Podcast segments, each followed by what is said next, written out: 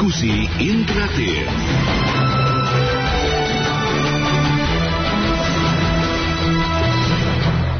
Dan kita mulai diskusi interaktif kita di sesi yang pertama ini sudah bersama dengan saya mantan Ketua Wadah Pegawai KPK dan juga mantan penyidik KPK Yudi Purnomo Harahap. Selamat malam Pak Yudi, sehat selalu. Selamat malam Mas dan pendengar El Sinta di mana pun berada. Ya, Pak Yudi, bagaimana pandangan Anda terhadap pejabat yang pamer harta Pak? Ya, ya tentu kita menyayangkan ya terhadap apa yang dilakukan karena tentu kalau untuk kasus praduga bersalah uh, tidak bersalah tentu kita kedepankan ya namun kan ketika dipamerkan yang terjadi kan persepsi publik gitu kan bahwa uh, pejabat negara ASN gitu kan PNS P3K kita kan semua adalah pelayan masyarakat. Ya tentu kita bisa melihat bagaimana kondisi masyarakat sekarang gitu kan. Nah, apalagi uh, sorotan korupsi kan lagi kencang-kencangnya gitu kan. Indeks persepsi korupsi kita turun gitu kan. Anjlok 4 poin gitu kan. Sementara yang terjadi akibat korupsi yang kaya makin kaya yang miskin makin miskin. Nah kenapa sih pada pamer ya karena memang mereka ingin menunjukkan eksistensi mereka gitu kan terlepas dari uang halal atau uang gaji gitu kan uh, namun akhirnya yang terjadi adalah ya nir empati gitu kan ya yang terjadi adalah ternyata masih mengedepankan ego pribadi dan lain sebagainya. Dan akhirnya kan mencuat ya. Kalau nggak ada apa-apa ya nggak apa-apa. Tapi ketika ada apa-apa seperti sekarang, ya kita bisa melihat bagaimana ternyata rame-rame ada info ya apa namanya Hari Davidson dijual lagi yang di beberapa uh, situs gitu kan. Uh, kemudian ada beberapa juga yang dipokan mendilet apa namanya uh, postingan-postingan terkait dengan kemewahan gitu seperti itu. Namun ya sekali lagi kan uh, sifat pamer ini kan muncul ya ya ketika mempunyai uang yang berlebih. Nah inilah yang kemudian ya kita akan melihat dari ranah apa namanya uh, penegakan hukum. Seperti itu mas. Tapi apakah tidak boleh Pak menunjukkan kekayaannya gitu ya? Walaupun kita kan sudah mempunyai eh, memang kita punya karena kita bekerja keras eh, atas kekayaan itu. Ya saya pikir itu sudah ada aturannya ya. Yang pertama gitu ya. Uh, makanya kenapa uh, Bu Sri Mulyani kan dalam kasus ini kan tegas gitu ya uh, kepada bawahannya itu yang pertama. Kemudian yang kedua kan apalagi ini kan ramai kan karena pajak gitu kan. Masyarakat kita kan bayar pajak gitu kan. Melihat SPT-nya misalnya besar gitu kan. Harus beli yang lain dan sebagainya. Jadi ya saya pikir ya ketika memang sudah ingin menjadi ASN, menjadi pejabat publik gitu kan, ya harus rela lah untuk istilahnya uh, tidak pamer-pamer. Kalau mau pamer ya silakan saja menjadi suatu. Wah banyak yang punya Rubicon kan di Republik ini kan banyak gitu kan, yang punya Harley kan banyak. Kenapa kenapa pengusaha itu nggak menjadi sorotan ya kan? Ya karena memang ya mereka swasta gitu kan berbeda dengan uh, pegawai negeri gitu kan. Ada yang bertanya Pak, misalnya tadi pertanyaan, apakah kalau uang dari uang sendiri penghasilan sendiri yang istilahnya dari kalau gaji nggak mungkin kalau gaji uh, apa gaji ASN gitu kan. Nah penghasilan lain, nah penghasilan lain itu perlu telusuk, uh, ditelusuk. Apakah penghasilan lain itu ada hubungannya dengan pekerjaannya enggak? Loh kenapa? Loh Anda masih tetap ASN, tapi Anda punya perusahaan juga gitu kan ya punya pilih salah satu gitu kan tapi kan nggak mau kenapa karena perusahaannya berhubungan dengan pekerjaannya dia gitu kan kalau misalnya perusahaan itu gak, atau perusahaan itu atau usaha dia nggak jalan kalau dia bukan ASN seperti itu mas Ya, tapi bagaimana Anda melihat dua instansi di bawah Kementerian Keuangan ya, notabene yang tengah menjadi sorotan ini? Kan kabarnya tunjangan dua instansi ini lebih tinggi dibanding yang lain. Ya memang benar ya, bahkan apa namanya uh, kalau lihat Twitter disebutnya Kementerian Sultan dan sebagainya gitu kan karena kuncinya kan berbeda dengan kementerian yang lain. Namun sebenarnya kan kenapa lebih tinggi ya karena berharap kan mereka kuncinya tinggi kan karena kinerja, karena pendapatan dan sebagainya. Harusnya itu kan diiringi dengan perilaku, ya itu yang pertama. Kemudian yang kedua bahwa apa namanya saat ini kan bagaimana masyarakat kepercayaannya kan di, hampir nadir gitu ya. Kalau misalnya bayar pajak bayar pajak kita udah dipotong gitu kan setiap bulannya. Namun ini yang pasti inilah gitu kan, nah cukai gitu kan, kemudian eh, apa namanya pajak. Ya ini ya harus segera berbenah lah, ya kan? Saya pikir saya juga kaget gitu ya terjadi seperti ini karena ini kan seperti dejavu gitu kan. Ini masih mending masih di awal ya. Kita lihat sebenarnya sebelumnya sudah ada kasus korupsi mulai dari kasus Gayus yang fenomenal ya kan dana, kemudian yang terakhir yang KPK tangani gitu kan uh, terkait dengan uh, pegawai pajak juga gitu kan dan masih hangat gitu kan uh, bahkan uh, apa namanya baru beberapa waktu yang lalu diumumkan TPPU-nya seperti itu. Tapi akhirnya loh kok masih berani gitu kan untuk uh, apa namanya memamerkan kekayaan. Dan memang gini mas dalam uh, beberapa pengalaman saya ya banyak hal-hal yang terungkap itu dari hal yang hal-hal yang sederhana gitu kan. Bukan dari investigasi yang panjang dan sebagainya. Misalnya kayak ini kan jadi dari pasca adanya penganiayaan. ya, dari penganiayaan kemudian netizen melakukan apa investigasi gitu ya e, secara personal melalui data open source gitu ya dan akhirnya dapat ayahnya siapa dan sebagainya. Jadi ya apa pun yang dilakukan sebenarnya pasti meninggalkan jejak. Seperti itu mas. Ya, tapi kan seolah kejadian ini menampar wajah Kementerian Keuangan gitu ya, uh, Pak Yudi ya. Sebenarnya kalau tapi, menampar uh -huh. dan sebagainya, sebenarnya ini kan masih proses yang, ini kan karena uh, apa, ini kan masih jauh sebenarnya proses. Betul. Ya, tapi maksud saya begini. Yang lain, hmm. yang lain kan sudah sudah tingkat penyidikan, sudah ditahan gitu kan. Hmm. Dan memang saya paham menampar ini kan pertama saat ini kan lagi proses pelaporan SPT, hmm. gitu kan. Uh, kemudian yang kedua ya terkait dengan adanya penganiayaan gitu kan sesadis itu gitu kan sehingga uh, saat ini kan kondisi korban apa namanya tidak sadarkan diri gitu kan di rumah sakit ya. Uh, itu kan membuat uh, rasa keadilan di masyarakat itu apa namanya naik gitu. Apalagi uh, terlihat apa namanya uh, terlihat jelas gitu kan harta-harta yang dipamerkan yang istilahnya saat ini kan masyarakat kita sedang menghadapi ini ya sedang apa namanya bangkit pasca pandemi kemarin. Yang melihat ada oh, kok bisa dia punya Rubicon, dia punya Harley Davidson gitu kan, nah, dan bahkan ada beberapa ada restoran, ada rumah-rumah mewah dan sebagainya. Jadi itu yang membuat apa netizen ya tadi ya akhirnya bergelora lah jiwanya gitu kan masyarakat melihat oh ini ketidakadilan. Padahal ya memang kan itu harus telusuri lagi uh, apa namanya dari mana asetnya dan tadi kan KPK sudah melakukan tos awal ya yaitu proses klarifikasi terhadap LHKPN yang istilahnya ini adalah bagian uh, dari pencegahan. Seperti itu mas. Ya maksud saya menampar itu dalam artinya tadi saya katakan seolah gitu ya Pak Yudi ya. ya. Namun kan sebenarnya dua instansi ini di mata masyarakat itu uh, yang tadi Anda katakan sebagai posisi sultan itu kan sudah lumrah. Masyarakat selalu bilang oh uh, kerja di pajak, oh kerja di bea cukai, oh pantas uh, apa kehidupannya makmur dalam tanda kutip ya, uh, Pak Yudi ya. ya. Tapi, Tapi kan bagaimana sebenarnya ya. maksud saya bagaimana sebenarnya pengawasannya ini, Pak? Nah, kalau pengawasan inilah yang eh, saya katakan ya, ya ya harusnya ada pengawasan melekat, keteladanan, jangan sampai nanti kita apa namanya anak buah eh kamu jangan pamer ya. Lo bapak aja pamer. Eh hmm. kamu jangan punya hari dan Victor eh bapak aja punya. Lah gimana kalau begitu kan? Apalagi ketika uh, kasus ini terungkap banyak sekali ternyata yang punya motor besar dan punya klubnya. Ada klubnya lagi nah, kan? ya kan seperti itu kan Nah, itu kan berbahaya kalau nah. ada klub-klub yang begitu. Klub-klub berdasarkan uh, ini kalau klub-klub yang biasa ya misalnya motor bebek atau itu ini kan akhirnya akan orang akan berlomba-lomba di situ punya motor mewah yang pertama. Dan hmm. kan, ya kita nggak tahu ya dari mana hasilnya telusuri ya. Tapi kan ketika sudah berdasarkan hal yang mewah itu kan nanti ya bisa persepsinya kayak lagi persepsi masyarakat gitu ya.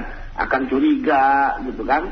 Uh, kemudian yang kita lihat bagaimana kemarin kan masyarakat mengatakan uh, padahal kan sebenarnya itu buka uh, pajak kalau pajak yang kita bayarkan langsung ke APBN gitu kan hmm. eh, sehingga masyarakat menduga kalau itu pajak kita gitu padahal bukan gitu kan yeah. pajak kita kan langsung dibayarkan ke APBN bukan ke situ gitu kan nah jadi ya menurut saya ya pengawasan melekat yang paling utama itu adalah keteladanan gitu tadi kan tadi kan bos gua aja punya Rubicon bos gua aja punya ya apa namanya itu? Um, uh, Harley Davidson bahkan bikin klub lagi kan?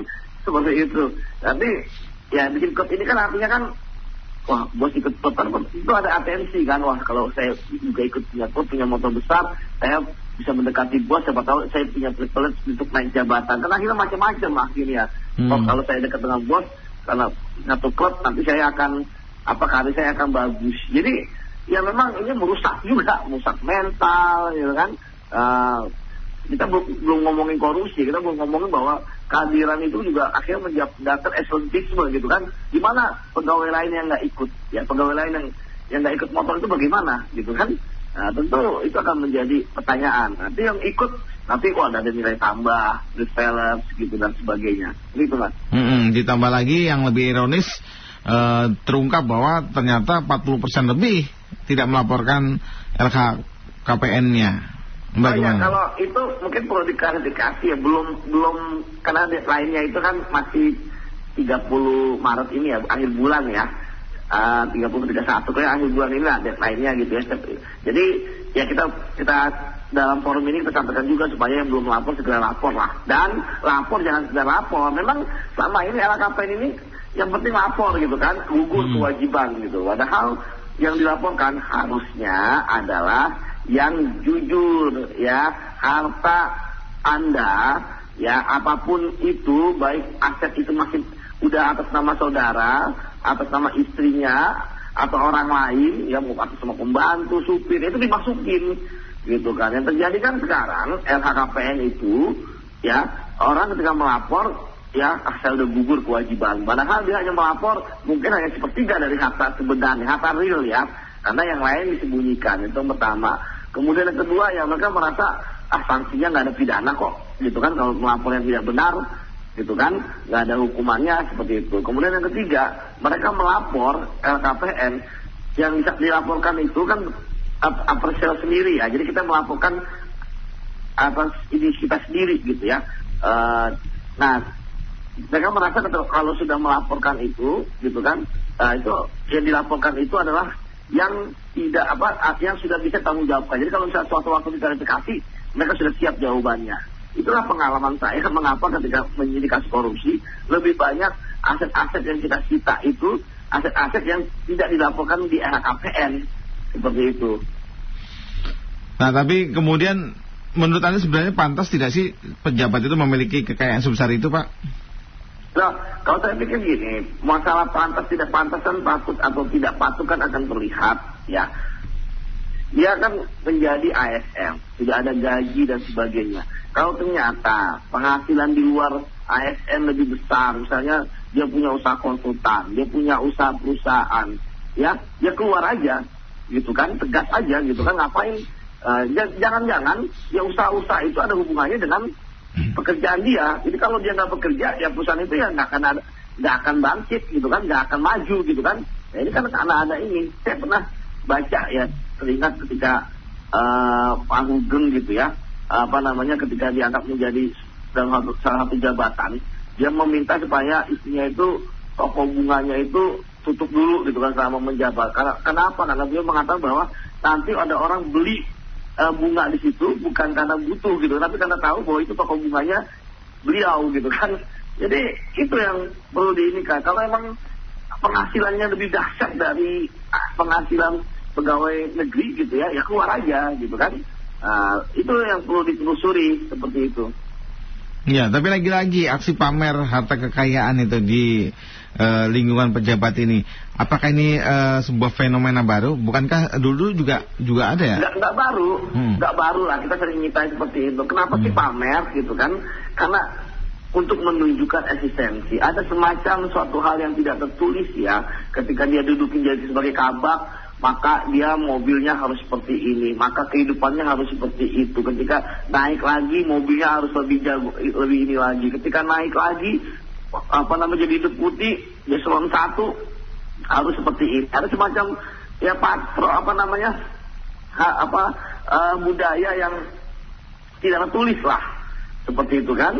Nah ini juga yang menjadi salah satu rusaknya mental gitu kan. Eh, akhirnya hidup sederhana hanya menjadi slogan gitu ya. Wah kita akan hidup sederhana sebagainya gitu kan. Akhirnya yang dikejar ya seperti itu. Jadi memang keteladanan ini juga penting seperti tadi saya katakan ya. kalau misalnya nggak ada keteladanan, ya biasa kan malu misalnya uh, seorang direktur dia, dia hidup mewah dia dia nggak pasti akan malu gitu. Tapi ketika dia atasan juga sama, ya dia nggak akan malu lagi. Dan saya melihat, ini kan gini, oke okay, memang kita sudah inilah, sudah puas lah terhadap kasus ini gitu kan. Uh, tapi kita lihat kan, yang kasus ini kan adalah pejabat eselon 3 gitu kan. Sebelumnya kasus belum dicopot gitu kan. Artinya kan di atasnya masih banyak. Dan kita juga sering melihat dulu ya ada menteri-menteri tangkap dan sebagainya. Jadi ini kan sebetulnya fenomena gunung es gitu kan yang terlihat di atas. Ya itu lebih sedikit dari yang yang apa namanya yang ada yang tidak terlihat yang ada di bawah permukaan. Itu lebih banyak yang ada di bawah permukaan. Dan sekarang kan sudah mulai tuh satu-satu dan sebagainya. Dan ya ada meme-meme saya lihat kan apa namanya pejabat-pejabat ngumpulin keluarganya ayo kita hidup sederhana dan sebagainya gitu kan. Nah, tapi kan itu kan sebenarnya kepalsuan aja gitu kan. Uh, buat apa soal soal sederhana tapi ternyata integritasnya bapuk gitu kan. Dan kemudian uh, dia apa namanya uh, tetap uh, korup seperti itu ini kan yang lebih berbahaya gitu kan seolah-olah miskin dan sebagainya gitu kan hidup gaya hidup sederhana tapi ternyata itu adalah kepalsuan. Seperti itu mas. Iya, kita libatkan pendengar ada Pak Nur di ya. Bojong. Silakan Pak Nur. Assalamualaikum ya, Deh. Waalaikumsalam Pak. Selamat malam Pak Yudi. Salam Pak. Iya, ya. Bapak. Alhamdulillah baik. Ya, tadi katanya apa seperti gunung es ya. Kalau Pak Nur bilang sih seperti gelombang di atas lautan ya. Hmm. Gimana Pak? Jadi kelihatannya syariah kecil ya. Pada di iya. dalamnya luar biasa. Saya pikir lembaga-lembaga pemerintah ini di beberapa departemen yang di bawah naungan pimpinan seorang menteri itu itu perlu diaudit semua itu sampai dari S1, 2, 3, 4-nya itu ya. Jadi bahkan kementeriannya sendiri. Artinya kalau dalam konteks kejadian seperti ini terjadi ya dan mereka enak sekali pamer-pamer ya dengan memperlihat bahwa mereka lah yang telah saya rasa mungkin jangan-jangan di beberapa lembaga pemerintah ini ada apa ya sarang penyamun kali ya jadi sarang penyamun di hmm. dalamnya kelihatan sangat uh, kacau balau ya. Kemudian mereka artinya untuk memperlihatkan kepada, kepada masyarakat bahwa apa yang telah mereka dapatkan dari negara atau ya khususnya seperti Departemen Keuangan itu kan dari pajak-pajak, dari biaya cukai itu kan hasil dari ekspor import itu ya. Nah, kemudian juga dari hasil-hasil misalnya kegiatan, pokoknya yang ada income-income-nya seperti di kepolisian, seperti di perpajak, apa di uh, pertambangan ya. Jadi lembaga-lembaga pemerintah yang memang ada unsurnya untuk mengelola sebuah keuangan-keuangan yang didapatkan dari perusahaan-perusahaan tertentu atau dari dari pajak-pajak tertentu, ini rentan sekali. Jadi oleh karenanya saya berpikir bahwa menteri di bawah naungan daripada lembaga-lembaga di bawahnya itu harus bertanggung jawab tidak boleh lepas tangan dan kalau bisa Pak Yudi Purnomo mereka ini orang ini tidak hanya dipecat tapi diproses dijebloskan dalam penjara kalau penjara sudah nggak muat dilempar aja ke Pulau Komodo atau enggak ke dalam lautan luas hmm. demikian Pak nanti kalau ke Pulau Komodo liburan Pak di lautan Baik. Oke ada Pak Bob di Jati Bening silakan Pak Bob Selamat malam Bapak-Bapak. Iya, ya. malam. Ya Pak saya dengar cerita Bapak dengar cerita barusan itu lucu ya. Hmm. Itu sebenarnya gini Mas. Saya cuma menebak dapat juga cerita bahwa kebiasaan dari dulu ya ASN itu adalah punya budaya store. Hmm. Satu store ya. Yang kedua jual beli jabatan. Itu udah pasti. Hmm Nah, hmm. istilahnya jual beli tadi, kalau saya mau naik pangkat, ah, saya harus bayar sekian. Kalau istilahnya orang dagang kan balik modal. kalau bisa untung. hmm. Pasti harus untung kan? Hmm. Gak mungkin bisa rugi. Nah, nah iya betul, tapi kita ya, kita rugi. Ya, iya. Yang ketiga adalah memang sifat orang kita adalah konsumtif. Ya. Bangga kalau kita wah, ya kan? Itu. Masya Allah nanti kalau di depan Tuhan itu nol satu sen pun tak ada yang dibawa ya kan? Ya itu harus disadari. Maka itu kenapa saya maaf sedikit melenceng. Zaman Pak Ahok orang marah. Padahal gaji sudah dinaikkan karena nggak bisa korupsi. Dengan Pak Jokowi pun ASN tidak banyak yang pilih Pak Jokowi. Karena terganjal dengan korupsi. Ya cuma itu saja Pak. Jadi kembali lagi sebenarnya hierarkinya atasan pun harus kena. Bukan bukan cuma ini, bukan cuma atasan di bidang itu saja atau di di, di direktorat itu saja atau di jabat jawatan itu, tapi menteri pun nggak boleh. Bu Sri Mulyani saya nggak setuju, langsung diproses, nggak boleh. Nggak boleh. Anak yang salah orang tua ke bawah-bawah itu nggak boleh begitu pak ya. Tapi harusnya dari awal semua sudah harus dilacak.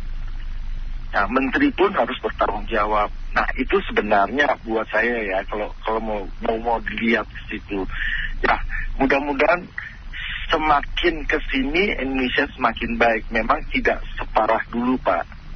Ya, 10 tahun ini kita sudah jauh lebih baik. Cuma yang memang biasa sudah terjebur kerugiannya banyak, sekarang cari untung, sayangnya mereka memanfaatkan itu untuk kesombongan sampai anak pun.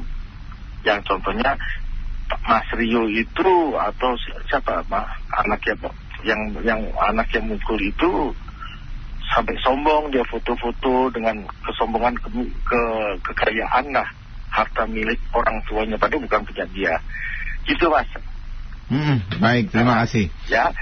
Oke itu aja pak. Baik ya. Oke. okay. banyak. Selamat malam. Ya silakan ditanggapi Pak Yudi ya, intinya sebenarnya negara ini sudah membuat aturan ya. Mulai dari ada pengawasan melekat ya atasan bawahan.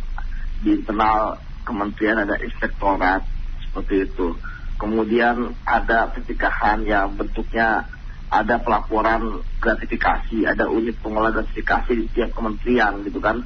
Uh, sebagai penghubung kepada uh, KPK gitu ya gratifikasi di KPK atau gratifikasi. Kemudian ada LKPN yang diharapkan uh, agar jujur gitu kan sehingga nanti akan terlihat kan LKPN kan setiap tahun akan terlihat kenaikan-kenaikan harta yang wajar.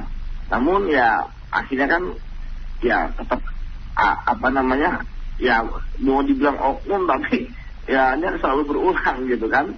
Dan memang ya ini kan contoh ya di, tadi saya sepakat sama uh, bapak yang pertama ya di tempat-tempat lain pun ya belum tentu juga bersih juga gitu kan dan banyak juga akhirnya uh, pernah ketangkap korupsi dan sebagainya tadi saya sepakat bahwa uh, untuk masalah yang terjadi pada anak gitu ya jangan bapak dibawa-bawa karena tanggung jawab pidana kan perbuatannya dia gitu kan. Nah tapi kan ya ini kan berbeda bahwa uh, bapaknya terkena masalah ya tadi uh, aset gitu kan yang kemudian ternyata uh, dicurigai apanya diperoleh dengan tidak wajar. Dan tadi kan selama kurang lebih 9 jam gitu kan sudah dilakukan klarifikasi oleh KPK ya. Uh, di mana klarifikasi itu kan dilakukan oleh Direktorat PP LHKPN gitu ya uh, untuk menanyakan baik yang sudah ada di LKPN maupun yang apa namanya yang berdasarkan info bahwa itu belum dimasukkan ke LKPN untuk kemudian dikonfirmasi kepada yang bersangkutan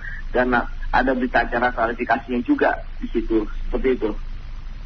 Ya tadi juga sempat disampaikan atau dikatakan budaya ASN ini soal setor jual beli jabatan.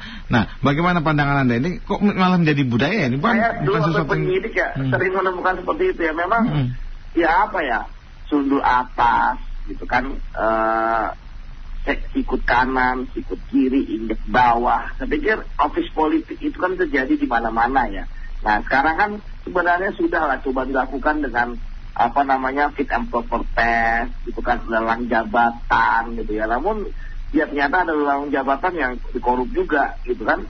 Ya apa namanya kalau nggak bayar, nggak nyetor, nggak akan dapat jabatan uh, sebagai kepala dinas misalnya gitu kan uh, saya sering sering menangani seperti itu gitu kan. Jadi untuk jabatan sekda misalnya ada harganya segini gitu kan. Dan ketika sudah menjabat pun menjadi kepala dinas ya itu akan dihitung uh, berapa persentase dari apa namanya uh, APBD yang dipakai oleh dia untuk kemudian disetor kepada bupati. Jadi memang akhirnya pejabat benar pejabat seperti ini yang di apa yang di otaknya adalah dia udah uang satu miliar gitu kan. Ya kalau bisa balik modal satu miliar dan kalau bisa lagi untung gitu kan karena ngapain dia keluar duit kalau misalnya uh, apa namanya tidak balik modal dan tidak untung gitu kan ya itulah yang kemudian ya kita prihatin ya. Udah banyak sistem yang kita buat untuk anti korupsi yang mulai dari e-procurement, ya pengadaan barang dan jasa. Tapi ternyata diakalin juga cara elektronik itu gitu kan.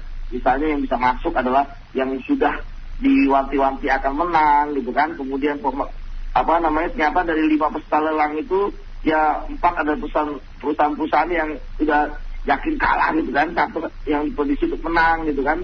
Misalnya kali kong arisan. Jadi memang banyak kompleks lah. Makanya kemarin kan sedih juga kita ketika indeks korupsi kita dari 38 turun ke 34 dan nilai sempurna kan 100 gitu kan. Jadi tidak dulu yang 38 nggak nggak bagus-bagus banget gitu kan. Kalau kita poin kalau 100 kan poin dapat 60 lah lumayan lah cukup gitu kan. Tapi ini 38 turun lagi ke 34 ya bahkan presiden sampai uh, mana mengumpulkan lembaga-lembaga ketua-ketua lembaga dan pimpinan lembaga negara terkait korupsi gitu kan uh, untuk menyikapi penurunan ini supaya nah sekarang saya nggak tahu nih apakah nanti ada efeknya nih yang lagi viral ini gitu kan uh, apa namanya uh, terhadap ini persepsi korupsi di tahun ini akan diumumkan tahun depan seperti itu mas.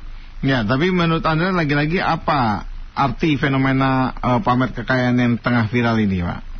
Mas gini Ya, apa kalau pengalaman saya ya, ya kalau yang ini kan masih panjang lah prosesnya baru satu kali. Tapi pengalaman saya, ya uh, ketika saya menangani kasus korupsi, ya tersangka-tersangka yang saya tangani itu, ya uh, mereka ya ketika berbicara ya mereka menyampaikan gitu ya bahwa ngapain mereka capek-capek korupsi, ngapain mereka apa namanya um, beri, apa namanya korup, resiko korupsi kan besar gitu masuk penjara gitu kan. Kalau mereka nggak memamerkan gitu kan gitu. Kalau mereka nggak pakai saya pernah inilah. Coba kita hitung outfit dari koruptor. Jam tangannya aja ada yang sampai 8 miliar 9 miliar. Ya belum jas yang terbaik sepatu yang bagus. Ya sampai puluhan juta. Belum tas yang branded gitu kan ya itu saya katakan bahwa ya mereka korupsi apa ini sembunyikan semua. Gitu. pasti ada lah yang di tampilkan gitu kan. Beli mobil mewah beli rumah premium gitu kan. Uh, jadi bahkan kalau kita lihat di desa-desa di kita kayak Jiwasraya misalnya ya kan. Uh, apa namanya bagaimana ada kapal apa namanya kalau ada kapal pesiar gitu kan. Uh, kapal ini disita dan sebagainya. Belum kalau korupsi-korupsi lainnya. Ada mobil-mobil merek terkenal gitu kan.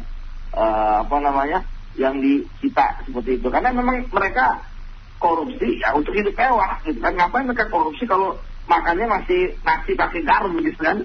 Seperti itu. Hmm, tapi apa yang harus dilakukan dengan fenomena ini? Ya pertama ya kenapa ini terjadi? Karena koruptor itu juga pintar. Mereka tahu bahwa walaupun harta mereka dinilai tidak wajar gitu kan. Tapi kan kalau mereka berhasil mengaburkan bahwa itu didapatkan dari kejahatan apa tidak pidana korupsi yang mana ya kalau kita bicara tentang korupsi ya ini masih akan sulit gitu kan. Karena sampai saat ini kan kita belum punya undang-undang perampasan aset seperti itu. Jadi kalau momentum ini tidak kita gunakan untuk menggedor ya kan uh, apa namanya mempercepat pengesahan RU perampasan aset ini masih akan terjadi lagi. Karena kalau pakai cara yang sekarang mas ya itu harus ada tindak pidana korupsinya dulu. Jadi bolehlah orang punya aset satu triliun. Tapi kita harus membuktikan ini kejahatan yang mana di dalam satu triliun gitu kan? Karena korupsi itu kan berhubungan dengan setiap orang berbuat tidak berbuat terkait dengan kewenangan atau jabatannya gitu kan? Kalau pasal kerugian keuangan negara itu apa menguntungkan diri sendiri orang atau korporasi atau kalau suap menyuap menerima suap ya. Tapi harus jelas kasusnya apa. Gitu kan misalnya pajak terkait dengan wajib pajak yang ditangani oleh dia ngasih uh, eh, 5 miliar misalnya harus jadi pajak 30 miliar karena bayar 5 miliar jadi cuma 2 miliar gitu kan. Sama-sama untung gitu kan. Seperti itu. Jadi uh, kalau misalnya ada undang-undang perampasan aset gitu kan ya tidak perlu dibuktikan itu ya ketika dia tidak wajar ya itu bisa disita. Karena kita berharap di undang-undang pemberantasan apa perampasan aset ini juga ada pembuktian terbalik bahkan pemidanaan terhadap mereka yang tidak lapor LKPN. Kalau sekarang kan tidak lapor LKPN, itu pun baru di 2021 ya, sanksinya masih disiplin PNS ya, dari ringan, sedang, berat gitu ya. Uh, apa namanya, belum ada pidana. Dan pidana juga bagi mereka yang lapor, tapi lapornya tidak benar, itu bisa dipidanakan. Ya, termasuk juga maka yang yang tidak dilaporkan itu bisa dirampas oleh negara. Jadi memang harus tegas kita terhadap para koruptor. Dan Pak Jokowi sendiri kan yang, yang mengendorse ya uh, undang-undang perampasan aset ini. Tadi saya katakan uh, undang-undang ini sangat signifikan lah dalam upaya menakuti dalam kutip ya itu dulu para koruptor. Kalau misalnya dengan ada undang-undang ini, ya maka orang akan pamer begitu ada ada koruptor yang atau anak pejabat ya anak pejabat yang memamerkan, ya itu bisa langsung dipanggil, nah, itu di mana nih? Seperti itu. Ya memang saat ini ya modus yang terjadi kan biasanya nama-nama dari apa namanya kepemilikan aset itu kan udah bukan atas sama apa namanya pejabat itu ya kalau dia laki-laki ya bukan atas sama dia sama istrinya atau nama anak-anak ya udah nama orang lain lah supir pembantu gitu kan uh, dan lain sebagainya sebenarnya negara rugi dua kali ya ya, rugi pertama uangnya dikorupsi gitu kan. Yang kedua ya orang-orang ini nggak bayar pajak progresif gitu kan. Karena mobilnya itu diatasnamakan si A, si B, si C, si J. Seperti itu mas. Ya ada Pak Soga di Medan. Pak Soga. Ya selamat malam Pak. Terima kasih. Hmm. Jadi baru saya malam Bapak. ini ya ya. Ibu Menteri Keuangan memanggil 69 orang. Di departemen yang pasti kan Pak yang memiliki harta kekayaan tidak wajar. 69 orang di Departemen Keuangan. Oke, kita lakukan Pak. Gimana kita lihat tentang korupsi ini Pak? Inilah memang yang keroknya. Tidak, tidak ada undang-undang pembuktian terbalik itu. Inilah dia berkembang biak. Apa seperti yang Bapak jelaskan tadi. Semua elemen dan gorogoti harta negara ini. Akhirnya kami rakyat-rakyat yang miskin ini akan melarat berkepanjangan. Karena ada beberapa orang yang memiliki hasil tanah air ini kan. Ya beberapa orang aja itu kumpul sana. Tidak bisa lagi di Indonesia, kirim ke luar negeri sana. Jadi kami yang miskin di bawah ini akan melarat berkepanjangan. Jadi kalau nanti kami mau duduk di suatu jabatan, harus begini, harus begini, banyak kali peraturan. Jadi hal inilah yang harus diperbaiki. Dan kenapa seperti ini negara ini? Apa yang kurang? Apa yang salah? Ingat leluhur. Hargai mereka. Terima kasih. Aman semua ini. Oke Pak. Selamat malam. Aman. Horas Pak. Selamat malam. Baik. Nah, uh, tapi sejauh ini bagaimana Pak KPK melihat LHKPN? Apakah ya. memang benar-benar dibaca, diteliti dan ditelusuri jika ada kejanggalan atau ya sebatas formalitas seperti mereka formalitas melaporkan LHKPN-nya? Ya kalau KPK tentu ada pemeriksaan ya, tapi kan ya ada saya lihat kan keterbatasan orang gitu ya. Hmm. Yang pertama, kemudian kedua ya tentu ada prioritas ya. Kalau apa namanya uh, prioritas yang katanya signifikan gitu kan tentu diperiksa lah. Namun juga Direktoratnya kan namanya pendaftaran dan pemeriksaan LKPN. Tentu ada pemeriksaan seperti itu terhadap yang yang tadi uh, hartanya dianggap tidak wajar sesuai dengan profilnya. Ya kenapa sih disebut tidak wajar? Karena misalnya penghasilan ASN bisa dihitung, gitu kan? Uh, uh, tunjangan gaji insentif itu bisa dihitung, gitu kan? Nah itu ketika dia misalnya 200 juta setahun, tapi hartanya meningkat 15 miliar kan tentu itu ya patut dicurigai. Ini boleh curiga ya uh, takut diduga dan sebagainya. Jadi LKPN ini ya tadi ya kajinya itu kan belum terlalu kuat karena memang dia dimasukkan dalam pencegahan. Ya, e, belum masuk eh, instrumen dia itu adalah penindakan. Dan itu yang pertama. Kemudian yang kedua, ya tadi saya katakan biasanya uh, yang dimasukkan dalam LKPN itu itu yang istilahnya sudah bersih lah bagi dalam tanda kutip ya bahwa kalau ditanya itu bisa jawab. Kalau di kan pasti pertanyaan itu kan dari mana aset ini didapatkan, dibeli dari siapa, kapan, mengapa membeli itu, atas nama siapa, uangnya itu tunai atau transfer gitu kan. Uh, kemudian sumber uangnya dari mana, kalau transfer rekening yang mana, seperti itu. Kemudian rekeningnya dilihat, dipelajari, uh, apa namanya bisa dapat satu miliar misalnya itu berapa kali nampung atau berapa kali masuk ya. Seperti itu. Ya memang sekali lagi ya KPN itu kan itu awal lah.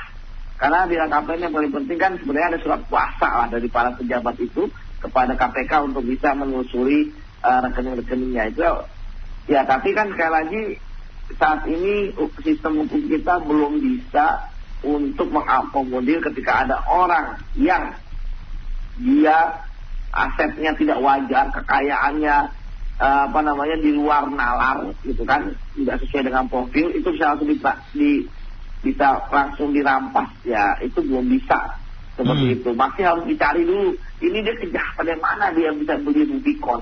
Ini kejahatan yang mana? Tindak pidana korupsi apa yang dilakukannya sehingga dia mendapatkan motor Ali Davidson misalnya atau dia men, dia bisa mempunyai rumah mewah itu dari mana?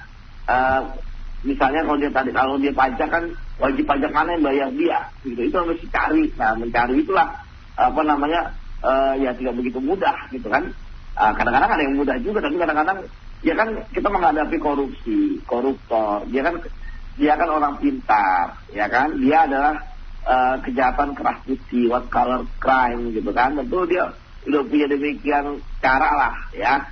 Mau dari cara yang klasik kayak tadi aset-asetnya sama orang lain atau apa yang apa namanya yang kami misalnya menyembunyikan di luar negeri gitu kan. Uh, dengan rekening di luar negeri. Nah, yang misalnya kan kalau luar negeri kita udah susah mas, angkat tangan gitu. Karena apa namanya itu perlu proses yang panjang untuk mencari rekening yang mana, apa namanya ekstrajudisial gitu kan, uh, apa antar negara gitu kan seperti itu. Jadi itu yang yang sekarang ini dilakukan oleh mereka gitu ya untuk bisa misalnya aset-asetnya dibawa kabur ke luar negeri ya. Tapi memang ini kan terjadi ya tadi seperti yang saya katakan ya dan pendengar juga gitu kan bahwa selama mereka masih menjabat, selama mereka masih berkuasa, selama berwenang, mereka akan tetap korup gitu kan. Karena korupsi ini kan karena rakus, bukan karena gaji tinggi gitu kan. Ketika dia gaji tinggi misalnya 100 juta sebulan, tapi dengan korupsi bisa menghasilkan 5 miliar, ya maka dia gaji bisa diambil, ya korupsi juga tetap diambil. Kenapa? Karena rakus gitu kan.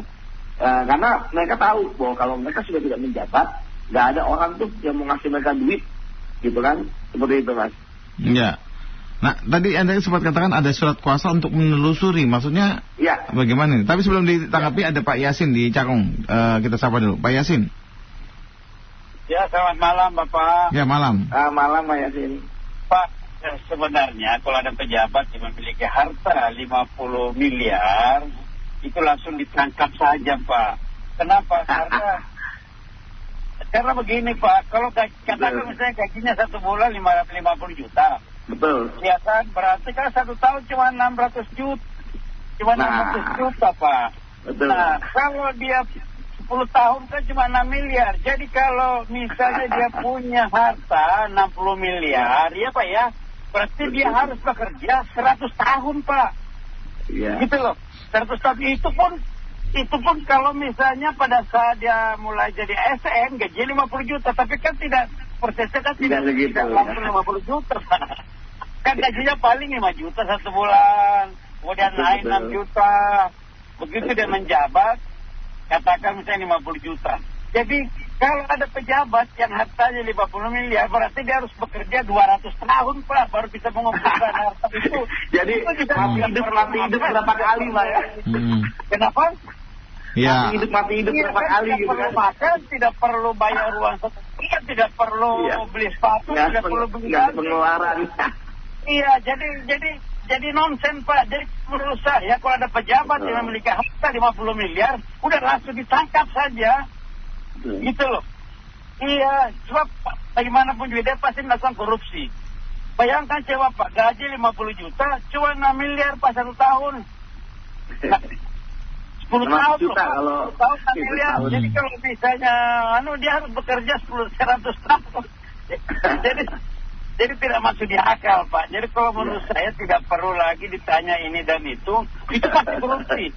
Gitu loh Pak. Hmm. Sekian saja Pak, begitu terima kasih. Baik, ya ini kan uh, lebih pada penindakannya ya. Makanya tadi di awal saya tanya apakah LKPN itu benar-benar dibaca, diperiksa, ditelusuri dan diteliti Pak. Makanya akhirnya seperti yang disampaikan oleh uh, pendengar kita tadi. Bagaimana Pak Yudi? Ya memang di, ini ya apa namanya tadi saya katakan kita nggak bisa langsung menangkap yang seperti itu gitu kan. Kenapa Pak nggak bisa langsung menangkap Pak? Iya karena emang aturannya nggak ada. Apa aturan kita untuk bisa ada yang kekayaan terus kita tangkap? Kan, kan tadi saya katakan kita butuh undang-undang perampasan aset gitu kan. Itu bukan hanya aset loh ya. Kita hmm. ngomongin orang gitu kan. Kan unsur korupsi kan harus diperjelas gitu kan. Unsur-unsurnya setiap orang melawan hukum gitu kan. Uh, terkait berbuat tidak berbuat terkait dengan kewenangan ini harus ada kasusnya dulu apa gitu. Jadi kalau uh, kita belum ada Nah, nanti kalau kita langsung tangkap melanggar hukum gitu kan, tangkapnya dasarnya apa, sprindiknya apa kan, gitu. jadi dasarnya kan, karena harta kekayaan yang tidak wajar kan bisa pak? Tidak, ya tidak wajar, kemudian apa bisa ditangkap orang kan enggak? Harus ada kejahatannya dulu, apa kejahatan dia sehingga dia tidak wajar itu yang makanya kenapa butuh undang-undang perampasan aset gitu. Seperti itu yang pertama. Kemudian yang kedua kan, ya biasanya kan nanti mereka akan ada penghasilan lain gitu kan, dari apalah, dari apa, usaha apalah, perusahaan apalah. Nah itu yang perlu ditelusuri seperti itu mas. Jadi nggak bisa langsung tangkap, jangan wah dia 5 miliar, nggak cocok langsung tangkap nggak bisa gitu kan.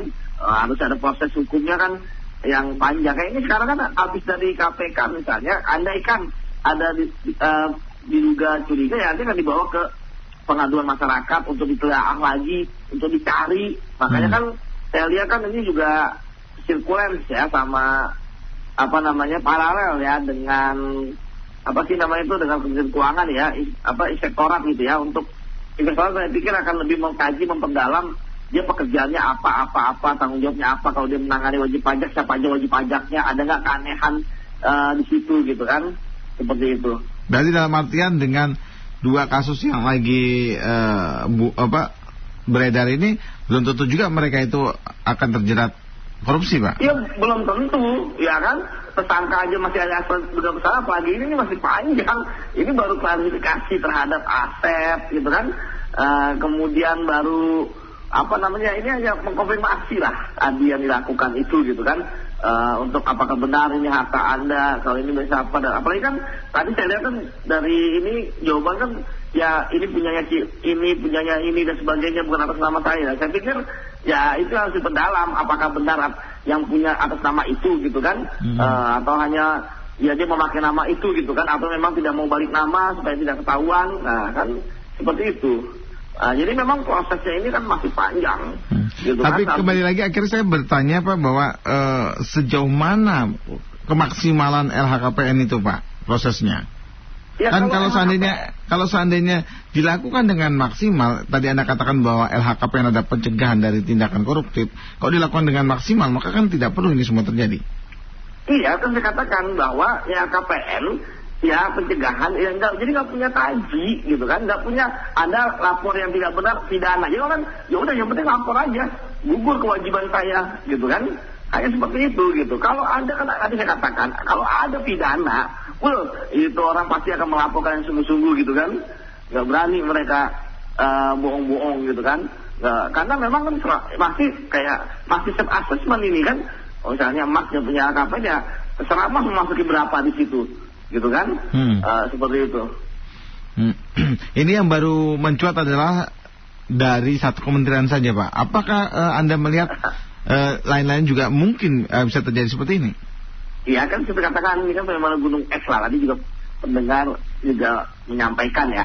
Jadi ya yang ya tapi kan tetap bahwa hukum itu kan proses pembuktian, ya kan?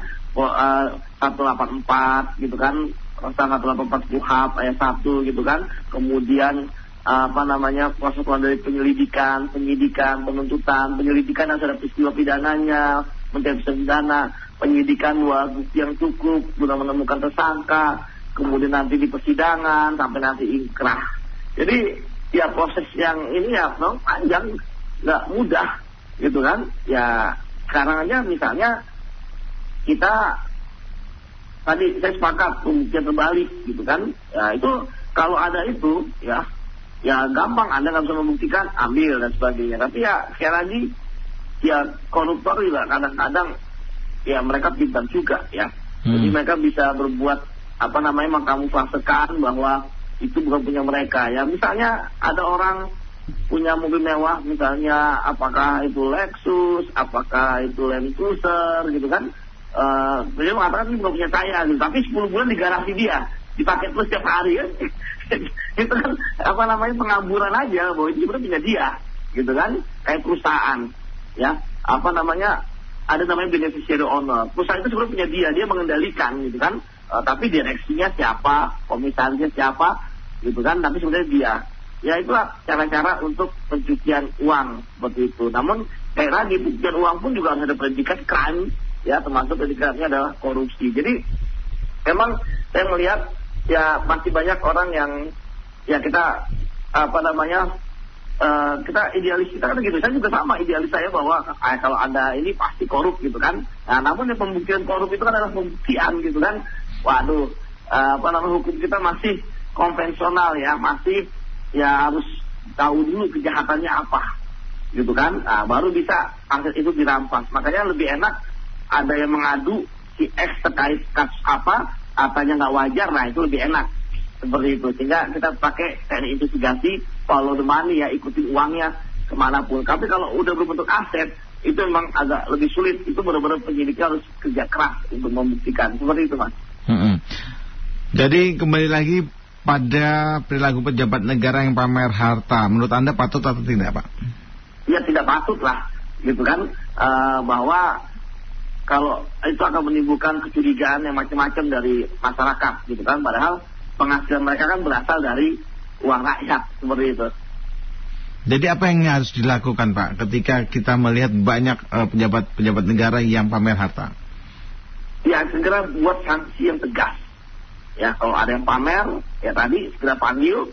Kalau misalnya undang-undang perampasan aset sudah jadi, ya suruh, suruh mereka buktikan kembali, dan bisa ya menjelaskan runutan bisa membeli barang-barang tersebut segera bisa dirampas oleh negara gitu kan?